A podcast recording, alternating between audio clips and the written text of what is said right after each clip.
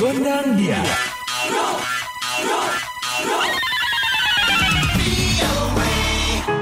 Halo halo sobat VOA, kembali hadir VOA Gondang Dia bersama Dewi Gemini. Dan Ronan DC pastinya dari VOA di Washington. Sobat VOA, kali ini ada cerita dari Afrizal Suparman, pengusaha restoran Jepang asal Indonesia di kota Mina di negara bagian Arkansas. Kebetulan saya ini tamatan dari culinary school di Indonesia.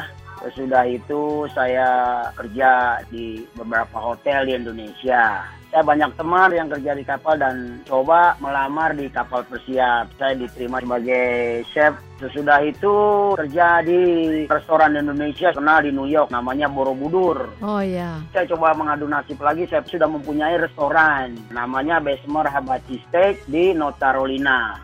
Sesudah itu saya mencoba usaha di New York itu uh, food truck. Mm -mm. Nah, saya termasuk orang Indonesia pertama yang buka food truck di New York. Nah sekarang dengan weather yang tidak begitu bersahaja, bersahabat, saya mencoba ke Arkansas kerja sebagai habachi chef. Pengalaman pertama habachi chef itu saya bekerja yang namanya di Benihana di Illinois, Chicago. Itu real chef teppanyaki yang orang Jepangnya sendiri dari susinya, dari teppanyaki-nya, dari sushi chefnya. Tidak mudah juga mbak jadi seorang habachi chef itu buat di teppanyaki kelas kelas internasional ya. Nah, saya diajarin dulu caranya gimana dan sampailah saya menjadi seorang chef yang profesional. Dan sesudah itu balik ke New York, usaha vendor. Ternyata itu gampang. Saya ada pengalaman kulineri internasional, kedua saya ada pengalaman sekolah, sampai ke Arkansas. Saya kerja habachi, saya pindah 4-5 restoran di Arkansas dan saya membuka usaha putra pertama di, mana? Di Arkansas. Namanya Arkansas Hot Spring. Oke. Okay. Dan tidak mudah juga, Pak. Kita harus tahan banting.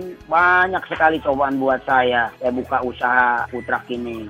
Pertama saya buka di Spring, lokasi bagus, cuman jalan tidak menunjang, saya pindah ke Glenwood, kita satu jam dari Hot Spring ke Glenwood. Nah dari Putrak itu saya coba lagi, saya masak di Putrak, saya buka uh, ada ruangan, saya coba pakai di ruangan. Sekarang ini alhamdulillah saya punya ruangan tersendiri yang asli namanya restoran. Oh, jadi masaknya di Putrak, makannya di dalam ruangan ya? Dalam ruangan pertama itu. Oh, sekarang udah restoran. Sekarang ya? ini asli restoran. Ada berapa pegawainya, Zal? Pegawai saya ini sekarang sekitar 10. Baik, apakah ada Dengan juga yang dari Indonesia? Ada satu, sushi mania. Nah, ini teman-teman yang sedang mendengarkan kan pasti banyak juga yang suka makan sushi dan makanan Jepang yang lainnya. Mungkin mereka juga ya, pengen ya. tahu. Sama nggak sih harga sushi di Indonesia dengan di Amerika? Kalau dilihat dari rate harganya ya, kalau yang di Indonesia sama di sini, saya ini lebih murah dibandingin sushi yang lain. Uh, saya punya konsep 355. Jadi makanannya bintang 5, harganya kaki 5, tapi bintang 5. Sama pelayanannya juga bintang 5. Jadi excellent service semuanya sampai dari karyawannya juga yang benar-benar pengalaman.